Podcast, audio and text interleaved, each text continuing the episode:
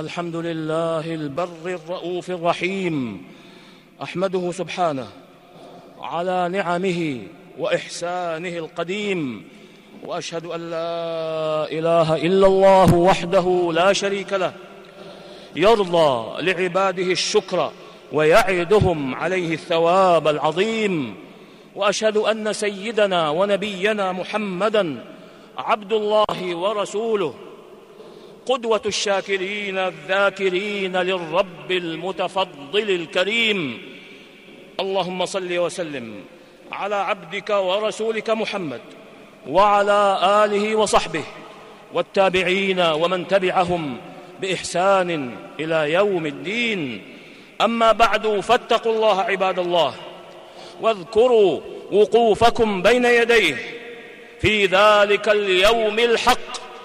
يوم ينظر المرء ما قدمت يداه ويقول الكافر يا ليتني كنت ترابا يوم لا تملك نفس لنفس شيئا والأمر يومئذ لله. أيها المسلمون إن من عظيم منن الله تعالى على الصفوة من عباده ما اختصهم به من كريم السجايا وجميل الصفات التي عظمت بها أقدارهم وسمت بها منازلهم وارتفعت بها درجاتهم عند ربهم. وإن من أجل هذه الصفات قدرا وأعظمها أثرا صفة الشكر وهو ظهور أثر نعمة الله على لسان عبده ثناء واعترافا وعلى قلبه محبة وشهودا وعلى جوارحه.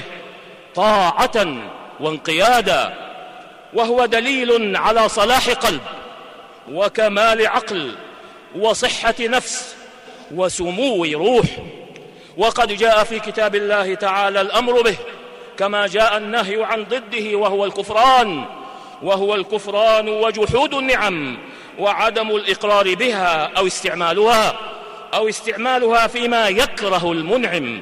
فقال سبحانه فاذكروني أذكركم واشكروا لي ولا تكفرون. وجاء فيه أيضا الثناء على أهل الشكر حيث وصف به أفضل خلقه فقال عن خليله إبراهيم عليه الصلاة والسلام عليه وعلى نبينا أفضل الصلاة والسلام إن إبراهيم كان أمة قانتا لله حنيفا. قانتا لله حنيفا ولم يكن من المشركين شاكرا لأنعمه. شاكرا لأنعمه اجتباه وهداه إلى صراط مستقيم. وقال عن نوح عليه السلام إنه كان عبدا شكورا. أي كثير الشكر يحمد الله على كل حال. وأخبر أن أهل الشكر هم المنتفعون بآياته. ألم تر أن الفلك تجري في البحر بنعمة الله؟ تجري في البحر بنعمة الله ليريكم من آياته. إن في ذلك لآيات لكل صبار شكور. وجعل الشكر سببا لزيادة فضله وحارسا حافظا لنعمته. وإذ تأذن ربكم لئن شكرتم لأزيدنكم ولئن كفرتم إن عذابي لشديد. وقلة أهل الشكر في العالمين يا عباد الله دليل على أنهم خواص خلقه. كما قال سبحانه اعملوا آل داود شكرا وقليل من عبادي الشكور. ولقد مضى رسول الهدى صلوات الله وسلامه عليه على طريق من سبقه من رسل الله. في لزوم الشكر لله في كل حال. شكرا تترجم عنه الأعمال وتصوره الأفعال. ففي الصحيحين عن المغيرة بن شعبة رضي الله عنه أنه قال قام النبي صلى الله عليه وسلم يعني في صلاة الليل حتى تورمت قدماه فقيل له قد غفر الله لك ما تقدم من ذنبك وما تأخر. فقال صلى الله عليه وسلم أفلا أحب أن أكون عبدا شكورا؟ كما كان من دعائه صلى الله عليه وسلم. سؤاله الله تعالى أن يجعله كثير الشكر له سبحانه على آلائه فقد أخرج الإمام. فقد أخرج الإمام أحمد في مسنده وأبو داود والترمذي والنسائي في سننهم بإسناد صحيح. عن عبد الله بن عباس رضي الله عنهما أن رسول الله صلى الله عليه وسلم كان يدعو كان يدعو بهؤلاء الكلمات اللهم أعني ولا تعن علي وانصرني ولا تنصر علي وامكر لي ولا تمكر علي واهدني ويسر الهدى لي وانصرني على من بغى علي رب اجعلني لك شكارا لك ذكارا لك رهابا لك مطواعا. إليك مخبتا إليك أواها منيبا. الحديث. وقال صلوات الله وسلامه عليه لمعاذ بن جبل رضي الله عنه يا معاذ والله إني لأحبك. أوصيك لا تدعن ألا تدعن. أوصيك لا تدعن في دبر كل صلاة أن تقول اللهم أعني على ذكرك وشكرك وحسن عبادتك. أخرجه أبو داود والنسائي في سننهما بإسناد صحيح.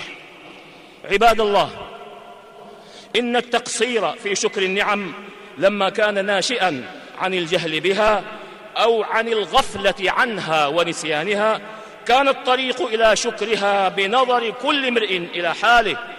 بنظر كل امرئ إلى حاله وما خص به دون غيره. فإنه ما من عبد كما قال بعض العلماء ما من عبد إلا وقد رزق وقد رزقه الله إلا وقد رزقه الله تعالى في صورته أو أخلاقه أو صفاته أو أهله أو ولده أو ماله أو مسكنه أو بلده أو رفيقه أو أقاربه أو جاهه أو سائر محابه أمورا لو سلبها وأعطي ما خص وأعطي ما خص بها غيره لما رضي بذلك لا سيما من خص بالإيمان والتوحيد والقرآن والعلم والسنة والصحة والفراغ والأمن وغير ذلك. ولذا جاء في الحديث الذي أخرجه الترمذي في جامعه وابن ماجه في سننه بإسناد حسن عن عبيد الله بن محسن وكانت له صحبة أنه قال قال رسول الله صلى الله عليه وسلم من أمسى منكم آمنا في سربه معافا في جسده عنده قوت يومه فكأنما حيزت له الدنيا. ومن أسباب شكر النعم أيضا اعتبار المرء بحال من هو دونه. بحال من هو دونه في المال والولد والصحة وسائر المحبوبات الدنيوية. كما جاء في الحديث الذي أخرجه مسلم في صحيحه عن أبي هريرة رضي الله عنه أنه قال قال رسول الله صلى الله عليه وسلم انظروا إلى من هو أسفل منكم ولا تنظروا إلى من هو فوقكم فهو أجدر ألا تزدروا نعمة الله عليكم. وإنها يا عباد الله لتربية نبوية عظيمة ودربة محمدية حكيمة تورث طمأنينة القلب وسكون النفس وطيب الحياة بالسلامة من اضطراب الفكر وكآبة الصدر ورحيل السرور وحلول الهموم ونزول العلل واستحكام الآفات التي تذيب الأجساد وتكدر صفو العيش وتنغص مباهج الحياة. هذا وإن الوقوف في مقام الشكر لله رب العالمين ليس مختصا بذوي النعم بل يدخل فيه أيضا أهل البلاء من فقر أو مرض أو خوف أو, أو نقص في الأنفس. إذ أن في كل بلاء أربعة أشياء. إذ أن في كل بلاء أربعة أشياء أربعة أشياء يسر بها أولو الألباب فيشكرون الله عليها. أولاها أن من المتصور أن يكون وقوع هذه المصيبة على درجة أكبر مما هي عليه فمجيئها على هذه الدرجة نعمة تستوجب الشكر. والثاني أنها لم تكن في الدين إذ لا مصيبة أعظم من المصيبة فيه. والثالث أن فيها من ثواب للصابر عليها ورفعة مقامه وتكفير سيئاته ما يحولها إلى رحمة ونعمة كما جاء في الحديث الذي أخرجه الشيخان في صحيحيهما واللفظ للبخاري عن أبي سعيد الخدري وأبي هريرة رضي الله عنهما أنهما سمعا رسول الله صلى الله عليه وسلم يقول ما يصيب المسلم من نصب ولا وصب ولا هم ولا حزن ولا أذى ولا غم حتى الشوكة حتى الشوكة يشاكها إلا كفر الله بها من خطاياه والرابع أنها كانت مكتوبة في أم الكتاب ولم يكن بد من وصولها إلى من كتبت عليه ولا منص له من التسليم والرضا بها. ذلك الرضا ذلك الرضا الموعود صاحبه برضوان ربه كما جاء في الحديث الذي أخرجه الترمذي في جامعه وابن ماجه في سننه بإسناد حسن عن أنس بن مالك رضي الله عنه أنه قال قال رسول الله صلى الله عليه وسلم إن عظم الجزاء مع عظم البلاء وإن الله إذا أحب قوما ابتلاهم فمن رضي فله الرضا ومن سخط فله السخط. عياذا بالله من ذلك. فاتقوا الله عباد الله. واعملوا على القيام بالحق بحق الشكر لله رب العالمين بالقلب واللسان والجوارح. فتلك حقيقة الشكر الذي يحبه الله ويرضاه. وإن تشكروا يرضه لكم. نفعني الله وإياكم بهدي كتابه وبسنة نبيه صلى الله عليه وسلم. أقول قولي هذا وأستغفر الله العظيم الجليل لي ولكم ولكافة المسلمين من كل ذنب إنه هو الغفور الرحيم.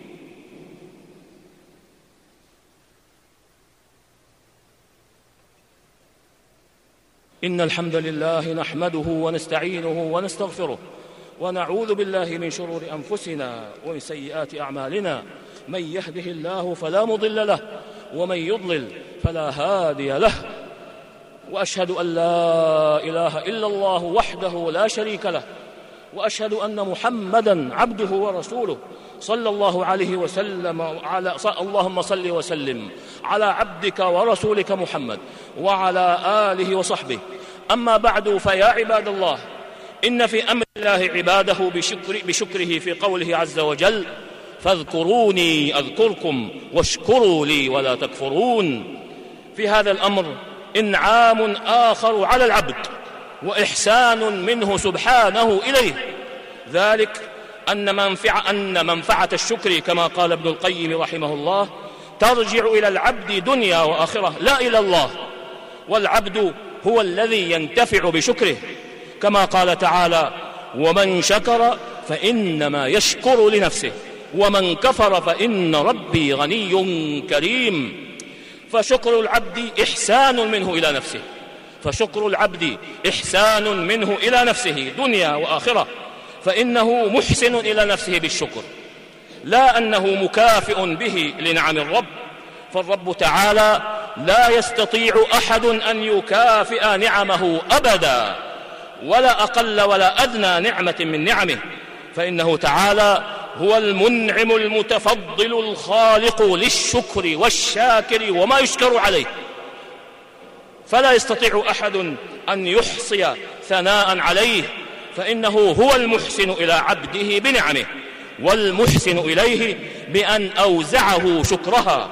فشكر نعمة من نعم, من نعم الله فشكر نعمة من الله أنعم بها عليه تحتاج إلى شكر آخر وهكذا.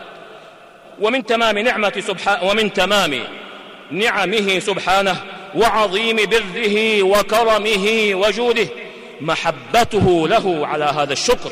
يعني محبته للشاكر محبته له على هذا الشكر. ورضاه عنه ورضاه عنه به وثناؤه عليه به. ومنفعته مختصة بالعبد. لا تعود منفعته على الله. وهذا غاية الكرم الذي لا كرم فوقه. ينعم عليك ثم يوزعك شكرا ثم يوزعك شكر النعمة ويرضى عنك بهذا الشكر. ثم يعيد إليك منفعة شكرك ويجعلك سببا لتوالي نعمه. ويجعلك سببا يجعل شكرك سببا لتوالي نعمه واتصالها إليك. والزيادة على ذلك منها وهذا الوجه وحده يكفي اللبيب ليتنبه به على ما بعده. انتهى كلامه رحمه الله في كلام عظيم له على هذا المقام مقام الشكر في كتابه العظيم مدارج السالكين. فاتقوا الله عباد الله وقفوا بمقام الشكر لله في كل حال. تطب حياتكم وتستقم أموركم وتحظوا بالمزيد من ربكم. واذكروا على الدوام أن الله تعالى قد أمركم بالصلاة والسلام على خير الأنام. فقال في أصدق الحديث وأحسن الكلام إن الله وملائكته يصلون على النبي. يا أيها الذين آمنوا صلوا عليه وسلموا تسليما. اللهم صل وسلم على عبدك ورسولك محمد. وارض عن خلفائه الأربعة. أبي بكر وعمر وعثمان وعلي وعن سائر الآل والصحابة والتابعين ومن تبعهم بإحسان إلى يوم الدين وعنا معهم بعفوك وكرمك وإحسانك. يا خير من تجاوز وعفا. اللهم أعز الإسلام والمسلمين. اللهم أعز الإسلام والمسلمين. اللهم أعز الإسلام والمسلمين. واحم حوزة الدين. ودمر أعداء الدين وسائر الطغاة والمفسدين وألف بين قلوب المسلمين ووحد صفوفهم وأصلح قادتهم واجمع كلمتهم على الحق يا رب العالمين. اللهم انصر دينك وكتابك وسنة نبيك محمد صلى الله عليه وسلم وعبادك المؤمنين المجاهدين الصادقين. اللهم آمنا في أوطاننا وأصلح أئمتنا وولاة أمورنا وأيد بالحق إمامنا وولي أمرنا وهيئ له البطانه الصالحة ووفقه لما تحب وترضى. يا سميع الدعاء اللهم وفقه وولي عهده إلى ما فيه خير الإسلام والمسلمين وإلى ما فيه صلاح العباد والبلاد. يا من إليه المرجع يوم يوم المعاد. اللهم أحسن عاقبتنا في الأمور كلها وأجرنا من خزي الدنيا وعذاب الآخرة. اللهم أصلح لنا ديننا الذي هو عصمة أمرنا وأصلح لنا دنيانا التي فيها معاشنا وأصلح لنا آخرتنا التي إليها معادنا. واجعل الحياة زيادة لنا في كل خير والموت راحة لنا من كل شر. اللهم إنا نسألك فعل الخيرات وترك المنكرات وحب المساكين وأن تغفر لنا وترحمنا. وإذا أردت بقوم فتنة فاقبضنا إليك غير مفتونين. اللهم إنا نعوذ بك من زوال نعمتك وتحول عافيتك وفجاءة نقمتك وجميع سخطك. اللهم آت نفوسنا تقواها وزكها أنت خير من زكاها. أنت وليها ومولاها. اللهم اكفنا أعداءك وأعداءنا بما شئت يا رب العالمين. اللهم اكفنا أعداءك وأعداءنا بما شئت يا رب العالمين. اللهم اكفنا أعداءك وأعداءنا بما شئت يا رب العالمين. اللهم إنا نجعلك في نحور أعدائك وأعدائنا ونعوذ بك من شرورهم. اللهم إنا نجعلك في نحورهم ونعوذ بك من شرورهم. اللهم إنا نجعلك في نحورهم ونعوذ بك من شرورهم. اللهم اشف مرضانا وارحم موتانا وبلغنا فيما يرضيك آمالنا واختم بالباقيات الصالحات أعمالنا. ربنا ظلمنا أنفسنا وإن لم تغفر لنا وترحمنا لنكونن من الخاسرين. ربنا آتنا في الدنيا حسنة وفي الآخرة حسنة وقنا عذاب النار. وصلى الله وسلم على عبده ورسوله. نبينا محمد وآله وصحبه أجمعين والحمد لله رب العالمين